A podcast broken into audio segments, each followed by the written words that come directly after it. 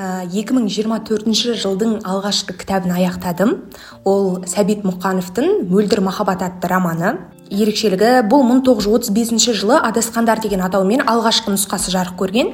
Кейіннен ә, сәбит мұқанов оны толықтырып тағы да бір оқиға желілерін қосып ә, қайта жарыққа шығарған екен мөлдір махаббат атаумен. Романда ә, 20 ғасырдағы барлық оқиғалар айтылып келіп ә, көбіне енді атауына қарасақ мөлдір махаббат яғни екі қос ғашықтың махаббаты туралы яғни бұл жерде бәтес пен ә, бүркіт есімді басты кейіпкер болады. Ә, бұл кейіпкерлер шын өмірде болған яғни бұл кісілердің махаббаты оқиғасы ә, шын өмірде болған яғни шынайы оқиға желісімен жазылған роман. Романдарды оқып жатқан кезде көбіне кедейлердің көзқарасымен оқитын едік қой. Яғни ашаршылық кезеңінде жаңағы ақтар мен қызылдардың соғысы кезеңінде ә, кедей отбасылар қалай күнелтті деген секілді осындай бір ә, тоқталатын едік. Ал тап осы романда ә, байлардың көзқарасымен ашаршылық қалай болды жаңағы ә, байларды қудалау қалай болды осының барлығын жазушы керемет сипаттаған.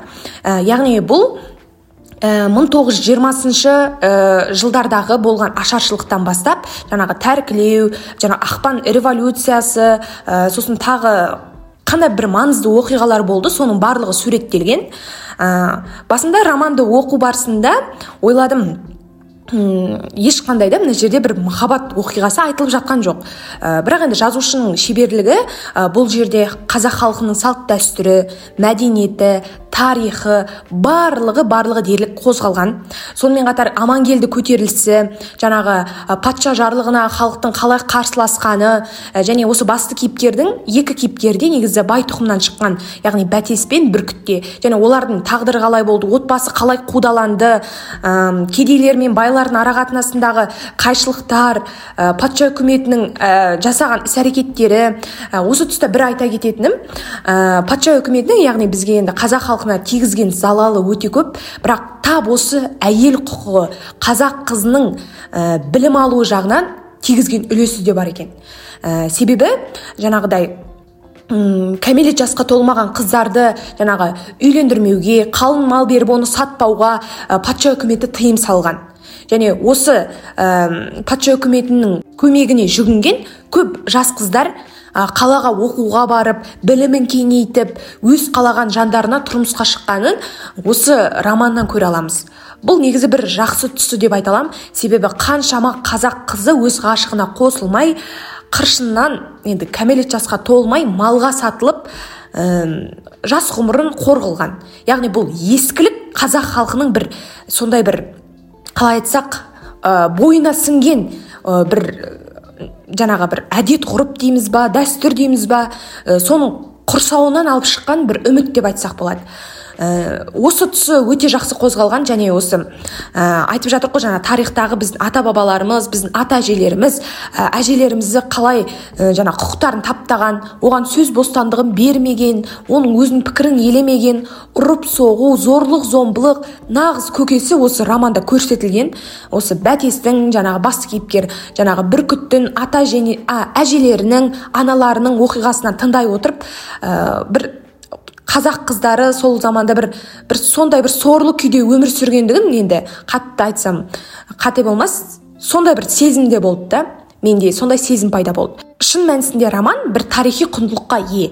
Яғни себебі ол жерде бір оқиғаны айтып отырып жаңағы екі жастың бір оқиғасын айта отырып сол кездегі жаңағы қоғамның қандай деңгейде екендігін сауатының оның мәдениетінің ә, қандай бір деңгейде екендігін бір жақсы суреттеген ә, сол жағынан өте керемет екен.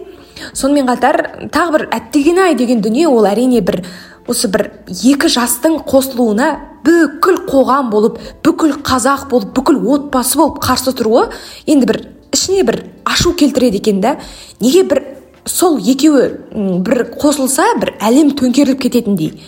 Неге? бір көптеген әулеттердің тарихы тіпті сол екі жастың қосылғанына бір қадалып тұрғандай болып. бір ашу келтіреді да енді.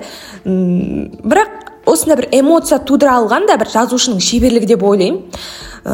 Роман соңында бәрібір де бір әттеген ай деген бір қиын қиын тағдырлар болады. Және бір түсінгенім осы ғашықтардың арасындағы бірін бірімен сөйлеспеуі бірін біріне яғни қазір айтамыз ғой гордость дейміз ғой бір тәкаппарлығы ұстап бір өздерін жеңдірмеуі соңында өкінішке алып келтіреді.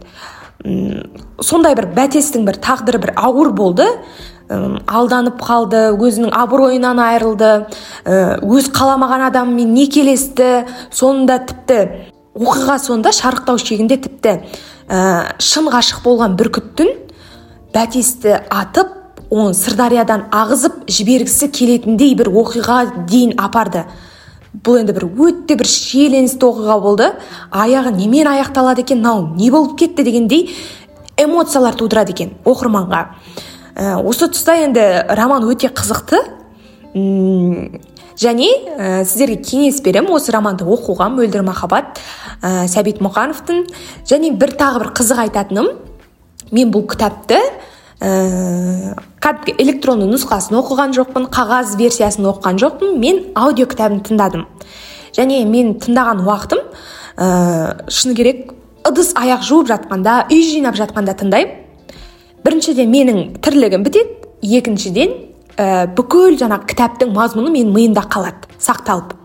Барлығын тура кітап оқығандай болып миымда жатталып қалады. Және тірлігім де бітеді.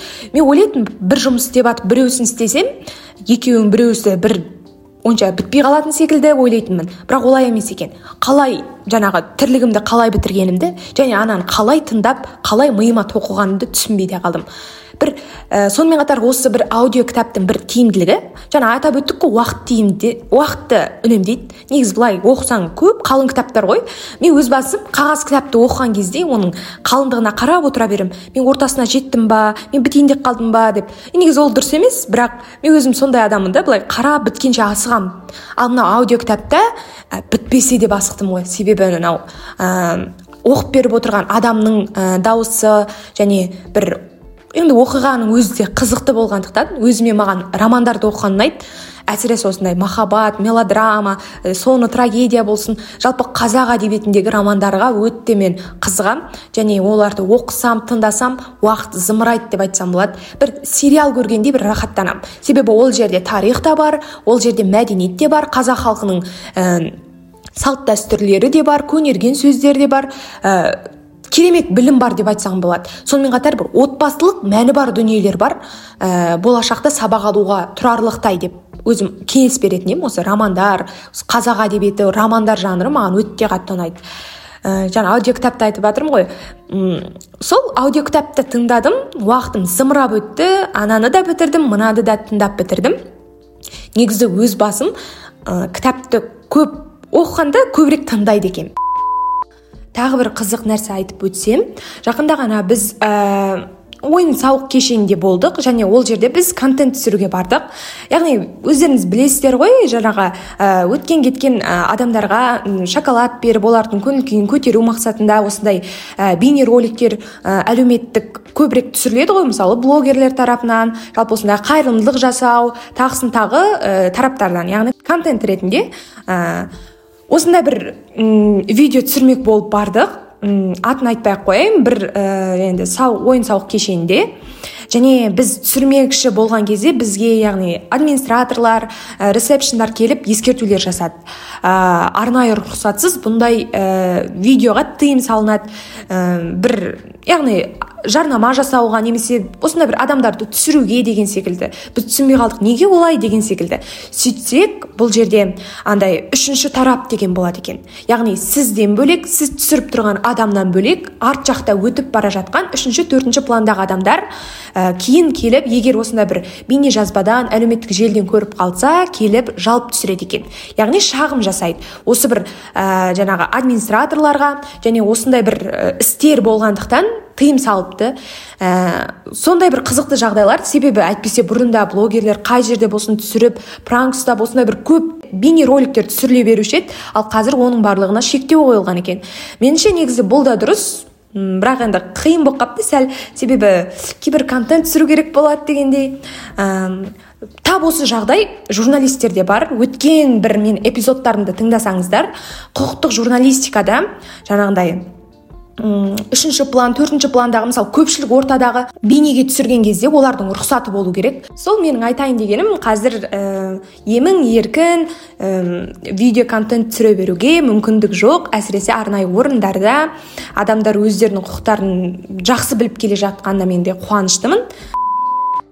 2023 жылды бір жақсы қорытындылаған бір ә, жағдай болды жайт болды жаңалық болды деп айтсақ болады. Ол әрине қазақстан подкастингіндегі тұңғыш кітаптың жарыққа шығуы. Яғни бақытгүл салықова мен әйнел әмірханның атың шықпаса подкаст жаса пайдасы бар подкаст шеберханасы атты қазақ тіліндегі тұңғыш кітабы ә, жарыққа шықты тұсаукесері өтті. Осы тұсаукесерге барғаныма мен өте қуанышты болдым. Себебі негізі осы қазақша подкастинг туралы бір кітап шығатынын мен біліп жүрдім күтіп жүрдім. Себебі яғни мен осы салаға кіргендіктен ә, болашақта менде жоспарларым бар осындай кітап жазсам деген жалпы алысқа кетпей ақ қояйын дипломдық жұмысымның өзін осы тақырыпқа бағыттасам деген өзімде ниетім бар. Сондықтан мен осындай бір қазақша бір кітаптарды күтіп жүргем. Енді тағы да болашақта елдар құдайбергенов айтқандай тағы бір кітап шығып қалуы мүмкін. Осындай бір ә, тағы да подкастерлер қосылып бірігіп осындай коллаб жасап тәжірибелерімен бөлісіп тағы да бір кітап жарыққа шығады деген ойдамын. Ә, жалпы бұл кітапты алғаннан кейін шыны керек бір ақ күнде оқып бітірдім. Ә, және осы жаңағы тұсаукесеріне барған кезде ол кітаптың ішінде ә, қазіргі қазақша ә, қазақ тіліндегі орыс тіліндегі подкасттардың тізімі берілген екен. Және сол жерде менің подкастым да жазылған екен. Айжур подкасты 62 эпизод деп тұрып жазылғанда мен өте қуандым. Және бұл кітаптың редакторы менің ә, ұлан газетіндегі апайым жұлдыз әбділда апайым екен. Және ол кісі айтқан кезде менде енді шыны керек эмоция деген ана жерде шықты. Себебі ә, кітап сатып алам деген ойымда болды. Бірақ дәл сол ә, кезде сатып аламын оның ішінде менің атым болады деп жоспарламаған едім. Ә, осылайша бір күшті бір сезімде болдым. Жалпы бұл кітаптың ең бірінші мұқабасынан бастасам жалпы атың шықпаса подкаст жаса ә, байқасаңыздар атың шықпаса деген сөздер сызылған. Яғни атың шықпаса емес хайп үшін емес жалпы подкаст жаса өзің үшін өзгелер үшін пайдасы бар деген мағынаны білдіреді екен. Ә, кітаптың мұқабасы маған өте қатты ұнады себебі түстердің үйлесімділігі өте жоғары. Және мынау ә, микрофон мынау бір аудионың жүріп жатқаны бұның барлығы осы бір подкастингтің бір вайбын береді деп айтсам болады.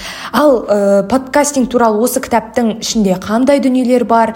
Ә, мен спойлер қылғым келмейді. Себебі әр қайсыңыз алып сатып алып өздеріңіз түсініп қызығушылықпен оқығанға жетпейді.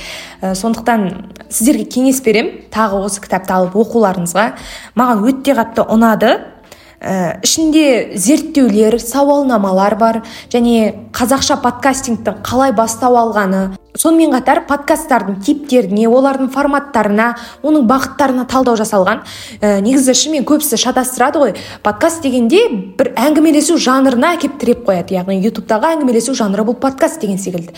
Ә, негізі ауқымы кең екендігін оның рсс жалпы подкастер деген кім подкаст деген не рсс деген не ә, қандай форматта жарыққа шығаруға болады қандай хостингтер бар бұның барлығы айтылған кітапта.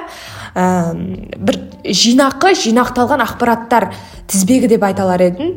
Негізі жаңадан бастап келе жатқан подкастерлерге өте керемет ә, нұсқаулық себебі өздеріңіз ә, білесіздер енді подкастинг енді да, күннен күнге дамып келе жатыр. Әр күн сайын жаңа бір подкаст шығады.